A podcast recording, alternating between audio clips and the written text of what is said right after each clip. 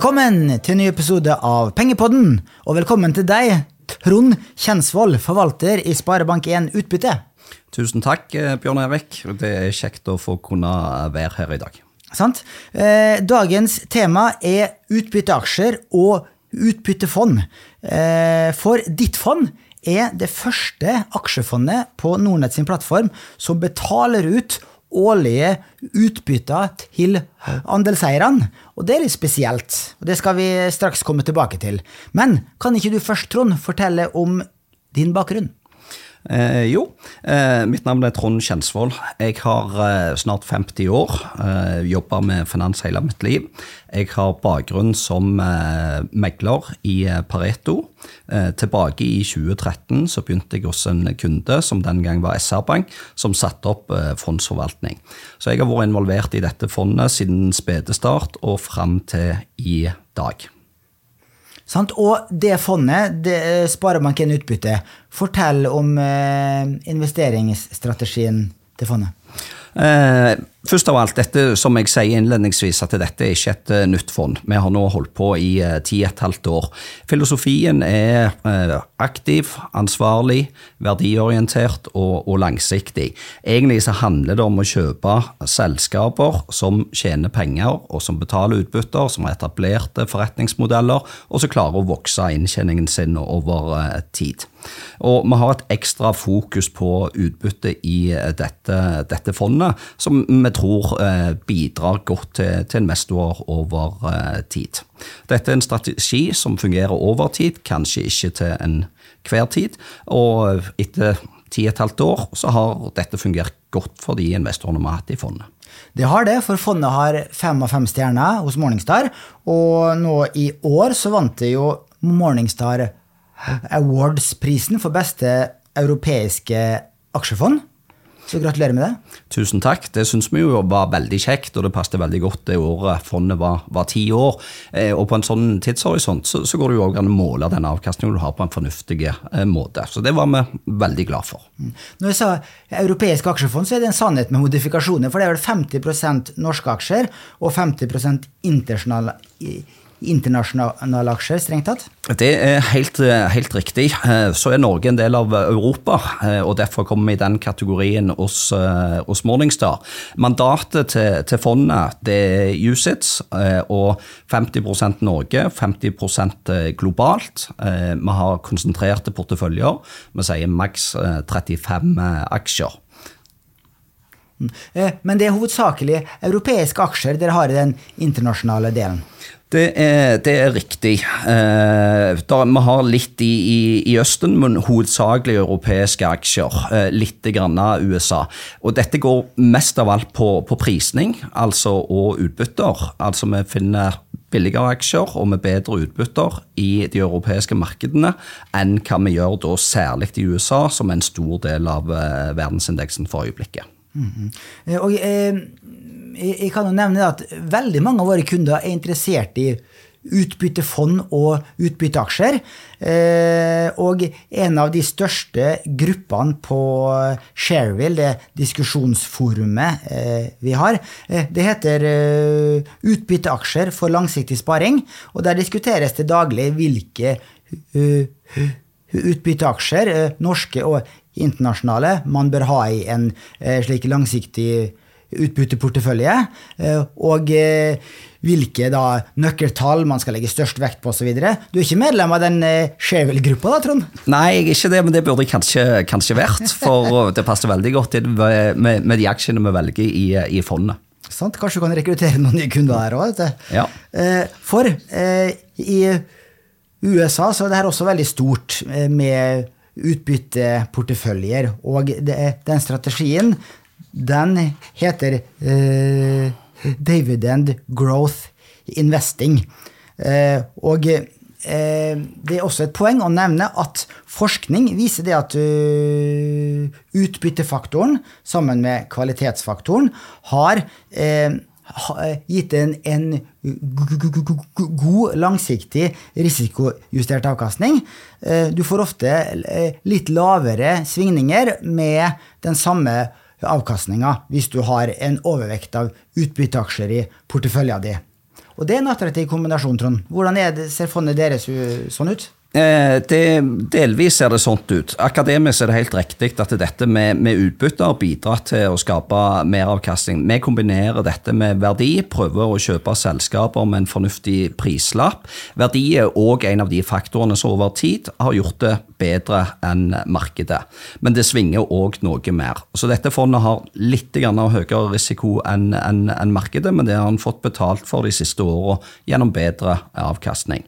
Så ja takk, begge deler deler på mange måter. Utbytte og en fornuftig prislapp er det vi eh, ser etter. La oss eh, snakke litt mer om det spesielle med dette fondet. her, For nå har vi jo fem norskforvalta utbyttefond.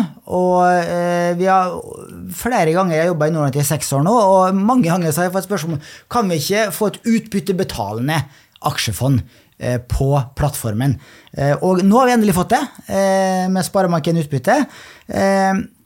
Hvor mye har dere betalt ut i utbytte til andelseierne deres de siste årene?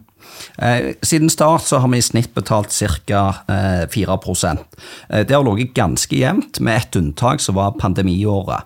Da ble det holdt tilbake utbytter i selskapene, de var usikre.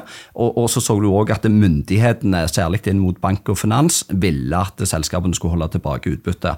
Så det året betalte vi ut rett i overkant av 3% eh, Etterpå så viste det seg at pandemi gikk bra, og utbyttene kom tilbake. Eh, og fjoråret var et veldig godt år for våre selskaper, og da var utbyttet 5% Men i snitt over ti år eh, rundt 4% ja, eh, og eh, dere har jo forskjellige andelsklasser i dette fondet. og eh, På Nordnett-plattformen så kan kundene kjøpe Sparebank1 utbytte U, som da er utbyttebetalende. Og så har dere også en andelsklasse som ikke betaler ut utbytte. Hvilke av de andelsklassene er mest populære totalt sett?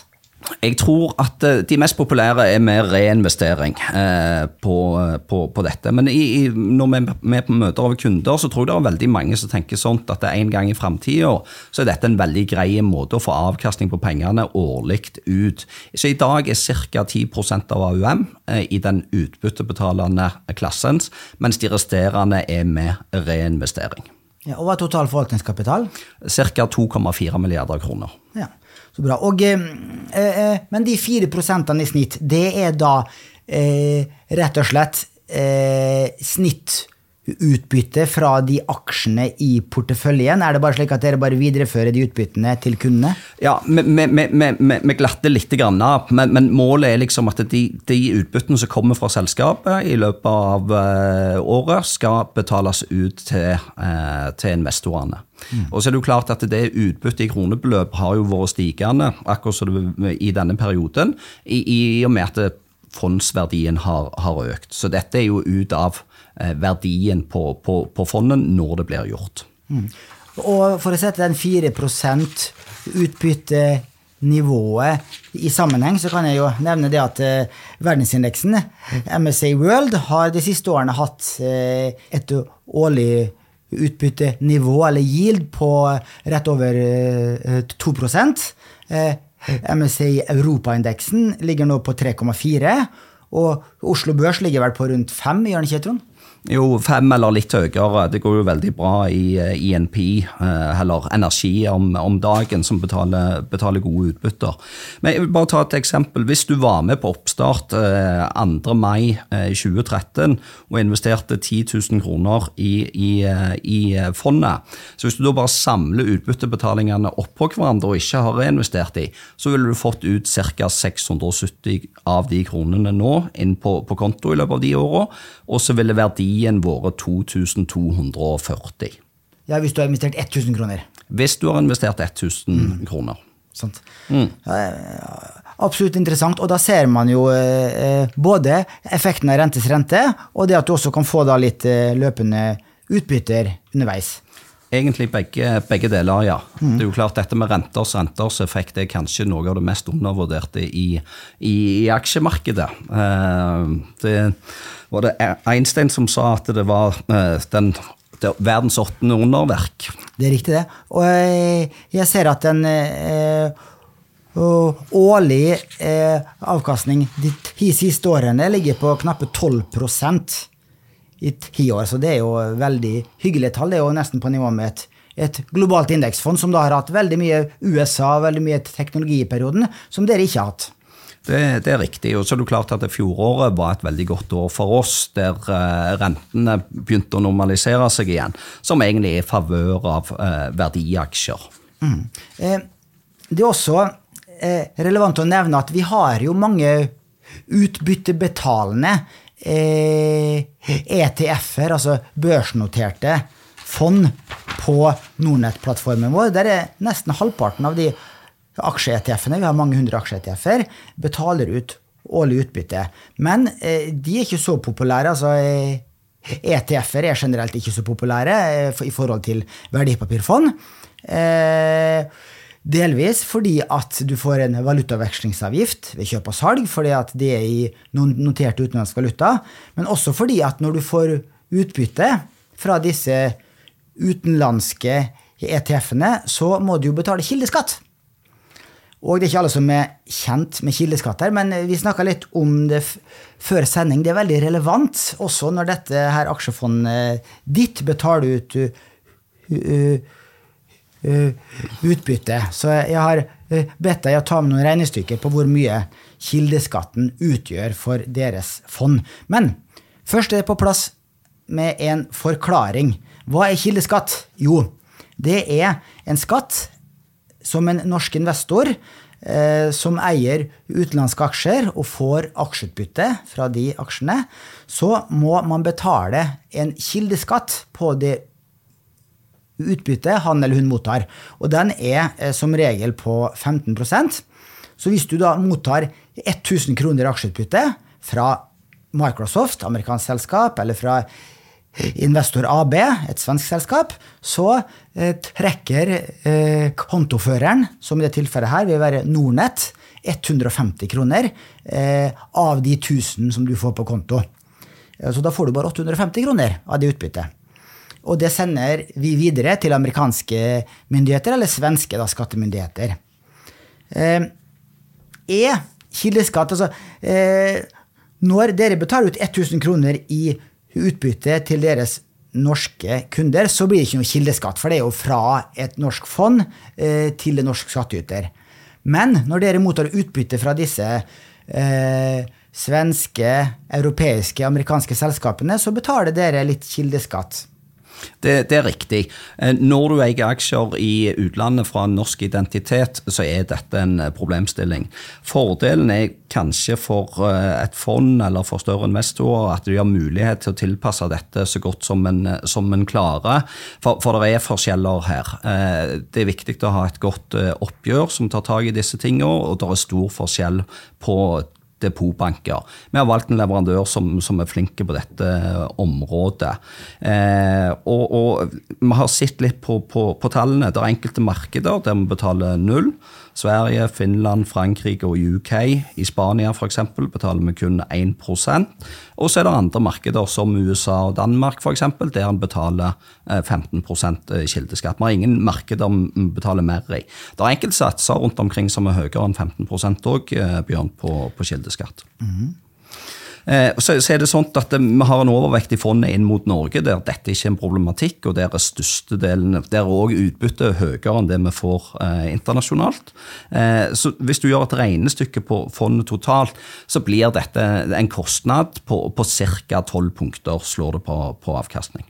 Altså tolv basispunkter 12 base, på hele porteføljen. Ja, på hele porteføljen. Mm. Eh, eh, men i forhold til den eh, standardsatsen på 15 da, eh, hvor mye kilde, den effektive kildeskatten dere betaler da, på den utenlandske utbyttene dere mottar? Ja, Det, det gjorde vi et lite regnestykke på. På den utenlandske delen av porteføljen, sånn det er skrudd sammen nå, så betaler vi mellom eh, 6 til 7% Ja, så dere ved å, ved å eh, søke refusjon og bruke de skatteavtalene som finnes, ja. eh, gjennom deres po-bank, om den er en nordisk bank eller en, en europeisk-amerikansk depotbank, så har de systemer som dere benytter for å få refundert over halvparten av kildeskatten.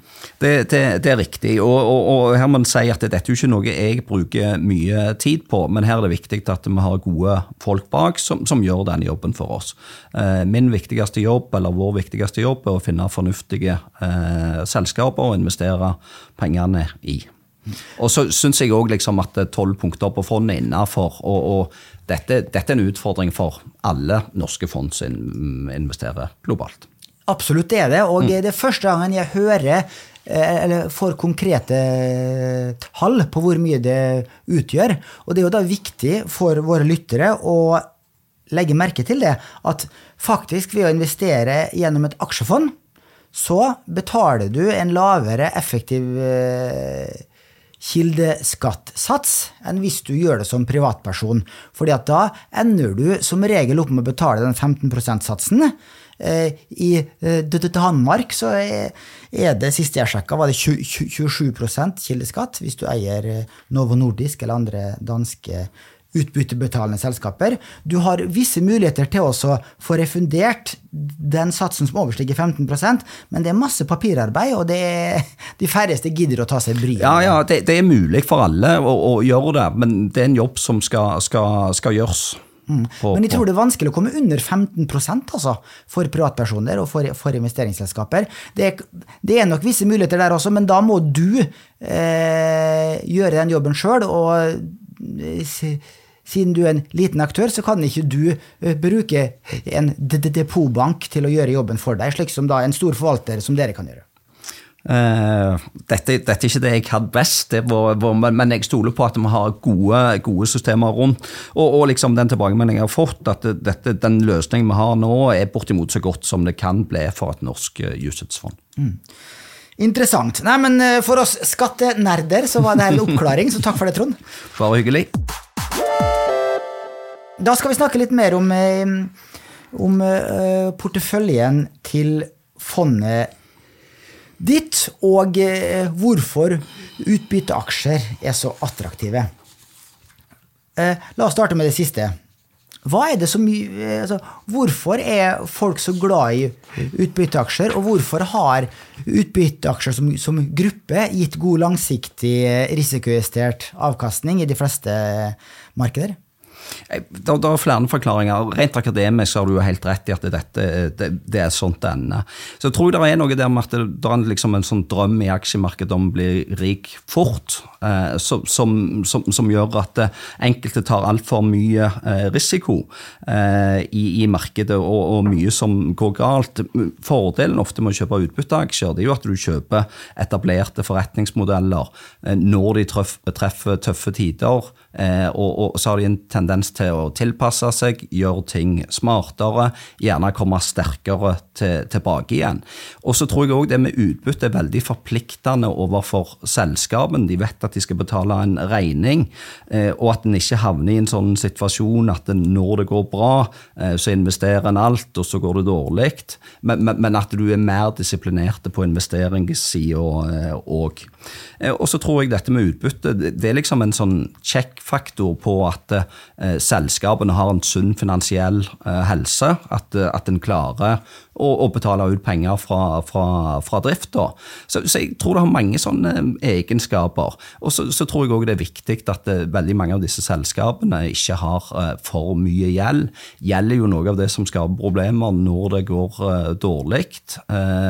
Så, så det er iallfall noen av de viktige faktorene som, som, som er bra.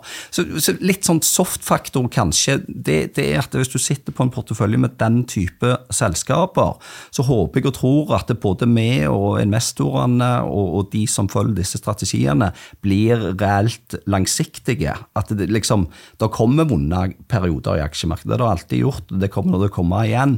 Men hvis du tror at dine selskaper kan stå av igjennom, så unngår du gjerne å gjøre eh, eh, dumme ting, altså som å selge på feil tidspunkt og er reelt langsiktige, som bidrar til, til, til mer avkastning. Mm. Eh, det er også et poeng at eh, eh, hvis du ser på den eh, utbyttestrømmen du får hvert år, så er den mye mer stabil enn markedsverdien på porteføljen din.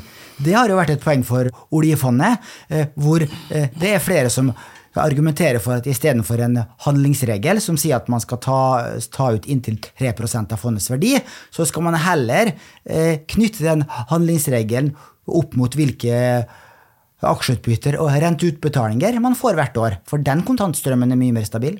Det, det er riktig, og det sitter normalt sett langt inne for et selskap å kutte i utbytte. En ønsker seg jo stabil, langsiktig vekst, men så er jo verden sånn som man er underveis. Bankene er jo et godt eksempel på, på, på dette. Uh, og, og, en ser at en vil gjerne ha jevn vekst i, i, i, utbyttene. Så jeg tror det er en veldig god handlingsregel for, for uh, NBIM å vurdere noe som, som dette. Om uh, politikerne klarer å følge det, er vel et annet spørsmål, hvis, hvis utbyttene noen år blir lave. Sant. Um, og så um, et relevant spørsmål er jo eh, når dere velger ut nye aksjer til porteføljer, eh, kjøper dere kun selskaper som gir løpende utbytte, og skal de ha gitt det i x antall år? Hvor strenge er dere på den regelen? Vi er strenge på den regelen. Når vi kjøper et nytt selskap, så skal det betale utbytte.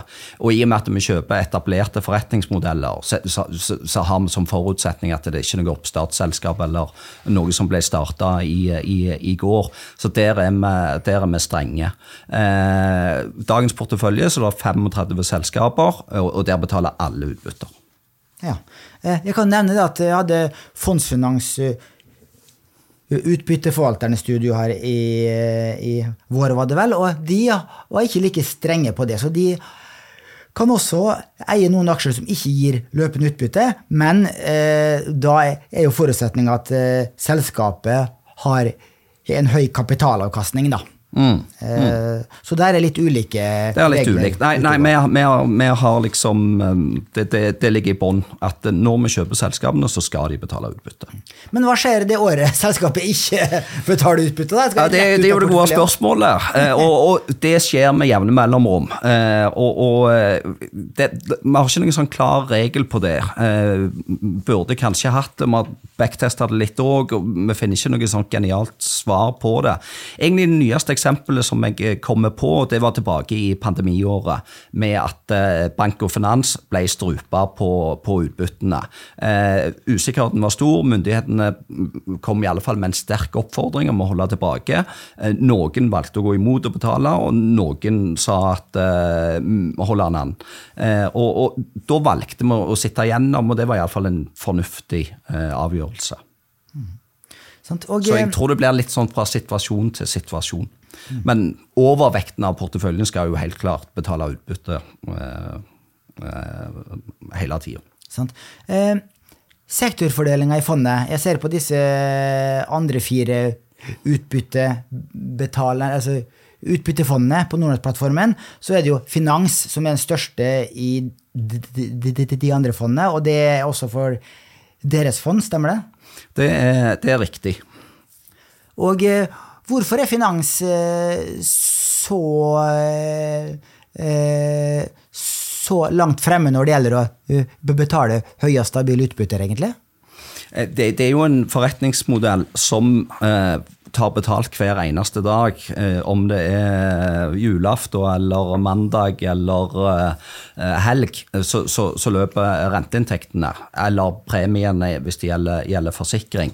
Så, så, det er jo en modell som, som, som gjør opp til, til, til, dette, og har liksom vært en viktig del av avkastningen i finansaksjer over, over tid. Jeg vil gjerne påpeke at eh, ja, vi har en stor andel i finans, men det er ikke helt riktig, for vi er òg glad i det som heter investeringsselskap selskaper. Og i vår finanssektor så kommer f.eks. Investor AB eh, og eh, investeringsselskaper i Europa inn, som utgjør ca. 10 eh, Det betyr at vi er litt overvekta i eh, bankene, eh, og så har vi en ganske god overvekt i forsikring. Sant? Og dere kan jo da ikke eie verdens største børsnoterte investeringsselskap. Uh, Berkshire Hathaway, vi har jo bilde av Warren Buffett på veggen her. Uh, for de betaler ikke ut utbytte. De betaler ikke ut utbytte, og har aldri gjort det. Men har like veldig godt selskaper som betaler ut utbytte. Det må en kunne si. Uh, men har du hatt lyst til å ta inn det selskapet? Ja, det, vil jeg, det syns jeg er et bra, et veldig godt selskap. Mm. Ok, Så hvordan ser sektorfordelinga ut? Finans utgjør rundt 30% Hva er de andre største sektorene? Vi har òg mye, i, i, og med at vi har en uh, indeks som går på, på, Norge, så har vi òg mye i energi. Uh, og litt undervekta i forhold til, til, til, markedet, men den store sektoren hos oss. Uh, og da, da, har vi egentlig konsentrert oss om INP, altså leiding og produksjon, og mye mindre inn mot oljeservice. Vi har et par selskaper der òg, men de store er der kontantstrømmen er nå, og, og pengene tjenes nå. Det, det, litt sånt risk reward, at med, med inntjeningen i de store eh, energiselskapene er så god nå at eh, hvis det blir tøft på oljepris, så blir det som regel tøft for oil service. Eh, så vi syns risk reward er mye bedre, eh, rett og slett for øyeblikket. Sterke balanser og, og gode, gode utbytter. Eh, la oss eh, navngi eh, disse sektorene med noen eksempler også. Eh, finans, hva er de største eh, investeringene i den sektoren? De største investeringene i den sektoren er Vi er glad i sparebankene, som eier de tre store sparebankene i, i Norge, eh, ca. 9 Og så har vi eh, Danske eh, Bank i, i, tillegg. Og på forsikring så eier vi Sampo, eh, som er det finske, som eier If bl.a. I, i Norge. Eh, skadeforsikring i Norden har over tid vært lønnsomt. Eh, få aktører og, og god, god, inntjening. Og så eier vi AXA i Frankrike som en gigant med en lav prislapp og gode eh, utbytter. Og så sa du at energi var den nest største. Hvilke selskaper er, er det du er der? Der er vi hovedsakelig i, i, Norge. Equinor er den største. Equinor har de siste åra hatt veldig god inntjening, og balansen har gått ifra å ha gjeld til å være netto eh, cash. Eh, løpende utbytte er 8-8,5 eh, og vi finner dagens verdsettelse attraktiv. og det med dagens oljepriser. Det, det, det, det, med energi ut fra Norge Jeg tror liksom at situasjonen har forandra seg litt òg, med Europas største gassleverandør, og, og, og, har en enormt viktig rolle i de åra som kommer eh, framover. Eh, nummer eh, to, eh, i, hvis du ser på, på, energiselskapene, så er det Aker. Aker er jo Røkke sitt investeringsselskap, eh, og, og, der får du andre ting på, på sida av. Jeg syns eh, Aker er en litt sånn underforstått aksje. Hvis du regner på substansverdier, eller du, her kan du kjøpe underliggende portefølje, så har du en rabatt på 20-25 på, på, for øyeblikket. Og, og, så velger vi å sitte rett på sida av lommeboka til, til, til, Røkke. Og over tid, ja, og Aker betaler i år eh, ja, 4,5% utbytte ca. Kommer ca. til å gjøre det samme neste, neste, år. Men over tid, hvis du ser de siste ti årene, så har du fått veldig god avkastning i Aker, og langt over, langt over eh, markedet. Og så er det lite gjeld oppe i, i, i Mor. Eh, det siste av energiselskapene er Vår Energi. Eh, som, det, det, der vår energi skiller seg fra de andre, det at de har en voldsom vekstprofil i de åra som, som kommer. Produksjonen skal mye opp Eh, med investeringer som, som, eh, som, er gjort, og som skal komme on stream. I dag produserer de 210 220 000 fat til dagen. Dette kommer til å nærme seg 400 000 i løpet av noen, noen, år. Det er litt motsatt av mye av det andre på energi, som etter hvert som du pumper opp eh, olja og gassen, så blir det mindre og, som skal, skal erstattes. Så litt motsatt. Og der er prislappen lav og utbyttene ekstremt gode. Mm. Så eier vi noe seismikk, altså gjennom TGS, og så har vi òg eh, Teknip Energy, som er mer sånt et ingeniørselskap inn mot gass og karbonfangst og den type ting, med en attraktiv prislapp. Sant. Og den eh, tredje sektoren på lista her, rangert etter størrelse, er vel forbruksvarer? Ja. Med 15-16% andel. Ja. Hvilke selskaper er det snakk om her? Det største av det innen forbruksvarer er Europris, eh, som er et norsk selskap i, i, igjen. Eh, Europris er en egentlig en veldig lang veksthistorie. De har holdt på lenge og har 280 butikker spredt over hele Norge. Og i den tida som er inne nå, varehandel har vært utfordrende de senere, år, åra. Både med, med, netthandel og hvordan du skal finne modellen som virker. Noe av det en har sett at det virker både her hjemme og internasjonalt, er det som heter bredt vareutvalg, som akkurat det Europris driver med. Du, du kan selge nesten hva du vil i disse butikkene. Alt fra garn under pandemien til, til leger til hundemat. Ekstremt flinke handelsfolk som har mulighet til, til å tilpasse seg. Og så syns jeg at eh, prislappen er, er lav, ca. tolv ganger inntjening, og betaler bortimot 5% i utbytte. Og så tror jeg et veldig viktig sånt moment nå i Er det dyrtid vi kaller det, Bjørn Erik? Mm -hmm. altså, Med høyere renter og, og dyre strøm og, og dette, så, så, så, så, er det i favør av et sånt et konsept som, som, Europris. Jeg er fra Stavanger, og, og liksom en så under oljekrisen for noen år siden at eh, Europrisbutikkene i vårt distrikt gjorde det bedre, ikke dårligere. Så vi tror det har motsykliske eh, egenskaper mm. som, som er viktige. Og så er det industri, fjerde største sektoren. Ja. Hvilke selskaper er det som eh, dere har under den eh, kategorien? Eh, Aker er jo et industriselskap, det er der det kommer inn. Så det òg eh, ligger på, på, siden av. Men vi har eh, Kongsberg Gruppen, eh, kanskje Norges beste teknologiselskap, inne. Eh, vi har eh, Valenius Wilhelmsen, som er bilskip og transport av eh, anleggsmaskiner. Vi har LG, som er et koreansk selskap, og vi har Tresher i denne sektoren. Mm.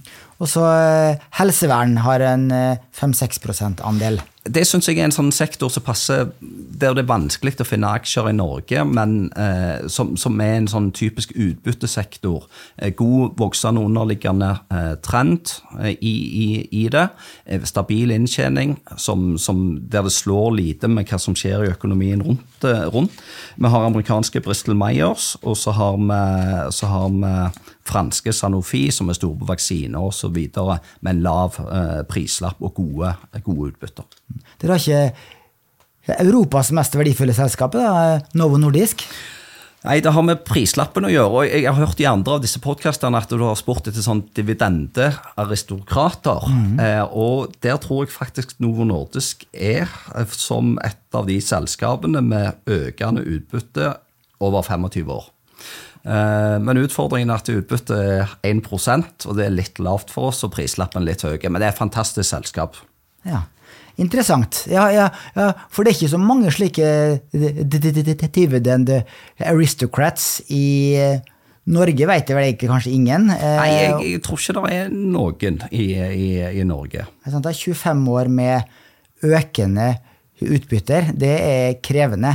Det var en som foreslo Arendals Foss og Kompani, men jeg er ikke helt sikker. Jeg er heller ikke helt sikker. Ok, Men på nordisk nivå så har vi i hvert fall Novo Nordisk. Vet du om flere? Eh, nei, ikke på nordisk nivå. Nei. Men jeg vet at det er sånt som Unilever, eh, som vi har i porteføljen, kommer inn på denne lista. Sant. Mm. Interessant. Eh, vi har jo vært innom et par av de andre utbyttefondene på plattformen. Jeg tok eh, en liten sammenligning her. Eh, for eh, litt for moro skyld, men også er det relevant for lytterne å se. Vi har jo da fem norskforvalta utbyttefond på plattformen vår. Det er to fra Landkreditt, ett norsk Landkreditt Utbytte og Landkreditt Norden Utbytte. Og så har du Fondsfinans Utbytte og Heimdal Utbytte, som er nyeste fondet, og da Sparebank1 Utbytte. Og hvis man ser på, på, de, så er det jo noe litt forskjell i investeringsmandatet. Altså noen er jo rene norske fond, og så har du eh, Norden-utbytte, som da er et nordisk aksjefond, og så har du eh, ditt fond, som da er, er 50% Norge, 50% internasjonalt. Men det er likevel interessant å se på avkastninga på de, og det siste året så ligger avkastninga på mellom eh, 13 og 17% på de fem fondene. Det er jo meget hyggelig avkastning. Eh, der ligger ditt fond lavest i øyeblikket, på da avkastning tolv siste måneder. Men eh, på tre års analysert så ligger ditt fond som nummer to. Eh, og på femårsanalysert er det riktignok bare to fond som har eh, femårshistorikk. Der ligger du høyest, med 13,7% avkastning. Og også på tiårsavkastning så ligger ditt fond på 11,8% årlig gjennomsnittlig avkastning, som er det akkurat samme som langkredittutbytte. Mm. Så, og det er da to fond som har fem stjerner. Det er fondet ditt samt Fondsfinans utbytte, som har fem av fem stjerner i Morningstar. Eh, de andre har eh, tre og fire, og Heimdal utbytte er da for ungt enda. Det må ha minst tre års historikk for å få Morningstar-stjerner. Og så kan jeg også nevne at eh, Ditt fond er da fondet med lavest kostnader på plattformen, med en totalkostnad på 1,04 Eh, mens de andre har eh, mellom 1,19 og 1,29. Så det er alltid fordel å være billigst, Trond. Ja, det er alltid fordel å være billigst. Det, det, og det bidrar òg til, til, langsiktig avkastning for, for, investorene. Det gjør det. Så nei, men vi, det blir spennende å følge med videre om dere klarer å beholde de fem stjernene, og om dere klarer å levere tosifra avkastning fremover. Det er jo, du kan ikke garantere det, Trond? Nei, det, det, er liksom, Dette med timing er alltid vanskelig i, i, i aksjemarkedet. Jeg husker veldig godt når vi starta dette fondet, som, som en, liksom, en god pekepinn på hvor en er henne. Da var en òg bekymra for, for, timing. Eh, vi var kommet ut av finanskrisen, Norge hadde dobla seg. Ute i den store verden så var det opp 40-70 og, og, og hvis du ser hva du har vært igjennom de siste ti årene, åra. Så du har hatt eurokrise, du har oljekrise, du pandemi. Vi overlevde Trump som president. Vi har en pågående krig i Europa. Eh, så, så, så liksom, det er mange ting som slår inn i, i, i aksjemarkedet. Men, men, tro det eller ei, aksjemarkedet gir deg best avkastning over tid. Og hvis du ser på dette fondet, så, så liksom i den tiårsperioden, som er ett år med negativ avkastning, eh, utenom det så har det egentlig vært gode, gode år, altså. Og det er selv med dette bakteppet. Eh, så langsiktighet tror jeg er ekstremt viktig i, i, i disse markedene. Sant.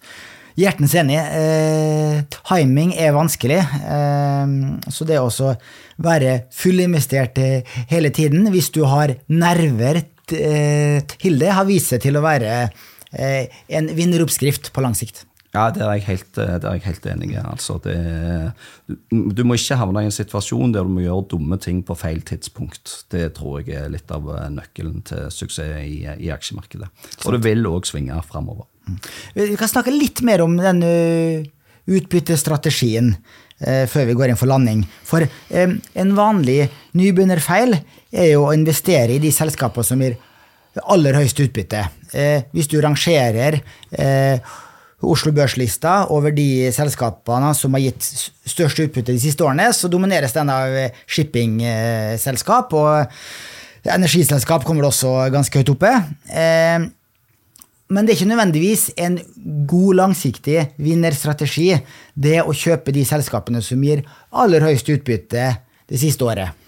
Eh, nei, ofte så er det jo ikke det. Eh, og du finner jo ofte Disse selskapene jo alle sykliske, som, som du prater, prater, om her. Jeg, jeg, tror kombinasjonen mellom å kunne vokse av inntjening og betale fornuftig utbytte det som, som, er viktig, så du ikke havner i den feilen at det, en ikke investerer for framtida eh, og, og, og, bygger butikken videre, men, men at alt bare sprutes ut, eh, tror jeg er høy risiko. Så, eh, og det er jo da vel, altså, eh, Shipping er vel det beste eksempelet på den mest sykliske bransjen. Enten så er det 10-20 eh, utbytte, eller så er det null.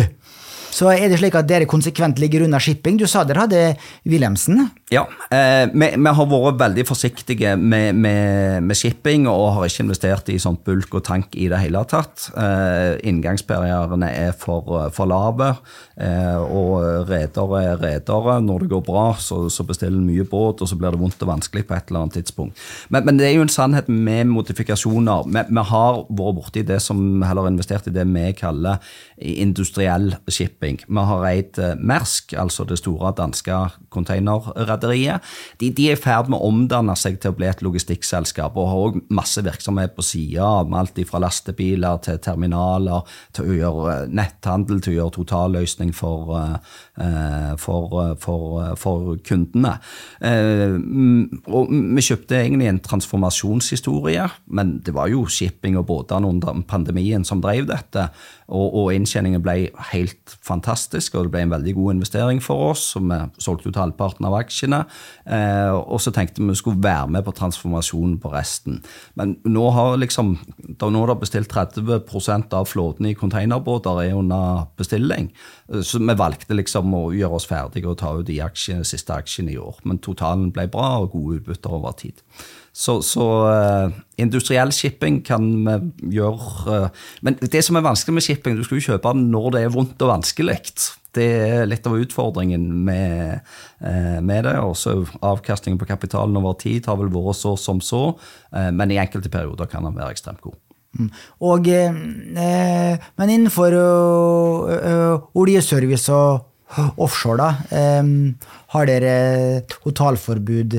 Der, eh, det Nei, det, det, har, det, har, vi ikke. Eh, jo, når du er på den norske børsen, så er det jo mye som er syklisk. Den norske økonomien er jo syklisk pga. olja. Men vi prøver å unngå selskaper, særlig med for mye gjeld, for det kan det gå helt uh, gale. Uh, og, og, i de selskapene som tjener penger. Jeg har nevnt energiselskapene. Men så også sånn som TGS, som er et seismikkselskap, har en litt annen modell. Det er lite stål, og det er mer bibliotek og mer den type eh, virksomhet. Mm. Eh, nå fusjonerer vel, eller overtar eh, TGS med PGS, og har de gjort noen endringer eh, eh, på synet deres på det selskapet? Ja, For første gang så skal du da eie båter eller skip. Eh, så, har det vært en stor forandring i, i, bransjen. Tidligere så var det mange som liksom tilbød seismikkbåter. men det markedet er blitt veldig konsolidert de senere åra. Så, så, så, vi syns at det virker fornuftig. Men egentlig så er jo TGS der det kommer fra, en sånn meglerbutikkmodell der du liksom har hyrt en tonnasje når du trenger det. Eh, og vært flink og vært mellommann og, og selge og bygge biblioteker, altså. Men, men, når verden forandrer seg, så må vi òg forandre oss. Men vi syns forretningsmodellen virker robust. Men det, det er en forholdsvis liten, liten, post. Og det er litt sånn tidligere, når oljeselskapene har gjort det bra, så har det jo etterpå blitt bra for olje offshore. Denne gangen har det vært litt annerledes. Så langt har en vært flinke å holde igjen på investeringene. Mm, mm. Um, du har vært forvalter eh, siden start, eh, litt over eh, ti år. Du har vel gjort en del eh, feil og tabber gjennom de eh, ti årene. Kan du fortelle om én eh, eller to tabber som lytterne våre kanskje kan lære litt av, som utbytteinvestor? Ja, kanskje, kanskje, den jeg husker, husker best, det er det vi investerte i et oljeserviceselskap som heter Prosafe. Som som drev med floteller, eh, altså som en brukte i forbindelse med både vedlikehold og med nye utbygninger til, til, til sjøs. Eh, og, og, tilbake da i når oljekrisen slo inn, så trodde vi at det selskapet var mindre syklisk pga. den vedlikeholdsdelen. Eh, og i 2015 så måtte de kutte utbytte. Så lurte vi hva gjør vi nå for noe. Og da var kursen ca. halvert siden toppen. Det hadde vært en greit nok, ikke noen sånn katastrofeinvestering. Eh, så vi tygde voldsomt på det. Og så kom det bare noen uker etterpå så kom det et eh, stort eh, fond inn og kjøpte en stor post. Eh, det var et sånn et eh, hard asset-fond fra hightech-systemet i eh, Stavanger, som fant ut det var billigere å kjøpe børsselskaper enn å starte de, starte sjøl. Og da trodde vi at eh, for, for, Ordlyden den gangen var jo at du eh, satt utbyttet på pause. Eh, liksom, og skulle komme tilbake igjen. Da, da når de kom inn, så tenkte vi at de ser det samme som oss, så valgte vi å holde aksjen. og Da hadde vi jo tidens mulighet til å komme oss ut. Og Prosafe har vel ikke betalt utbytter siden, og aksjene ble solgt etterpå. På, mm, ja, det var en, en av de som jeg husker veldig godt, i alle fall. Ja. Så, nei, men eh, det, det, er jo slik at en, en, dyktig forvalter har rett litt mer enn 50 av gangene. Ja, det er jo det som er, det er, det som er kunsten. så det er bra. Nei, bra. Eh, siste spørsmål. Hvor har du selv investert dine langsiktige sparepenger, Trond? Da er jeg på linje med det som jeg ønsker at investorene i fondet skal gjøre. Så Størstedelen av eh, sparepengene har jeg investert i Sparebank1-fond, og mest av alt i Sparebank1-utbytte. Ja. Eh, du, du, er jo eh, snart 50 år, ligger rett bak meg i løypa. Eh, har du noe rentefond i den eh, pensjonsporteføljen din? Jeg har litt rentefond i porteføljen. Er det da likviditet, obligasjon eller high Nei, det, det, nei det, det, er mer sånt Jeg har vel høyere aksjer enn oljefondet. Men det er noe med det. det, liksom, hvis, hvis, hvis, det blir vondt og vanskelig der ute, så føles det bedre å kunne ha mulighet til å øke noe. Sant. Og så er det jo klart at rentene i dag gir deg jo mer avkastning enn hva det har gjort på veldig lang tid, altså. Den gjør det, så ja. there is an alternative uh, to stocks.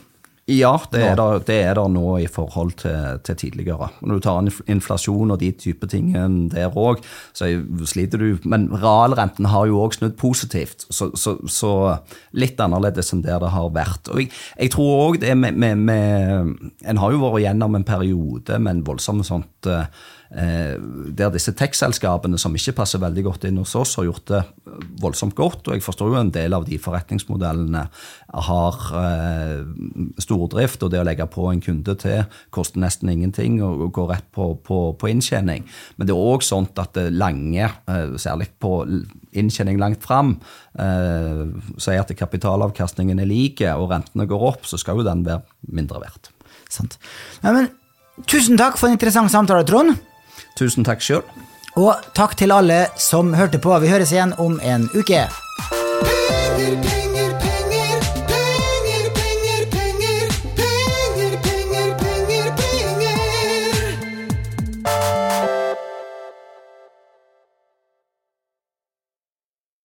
Denne podkasten skal anses som markedsføringsmateriell, og innholdet må ikke oppfattes som en investeringsanbefaling.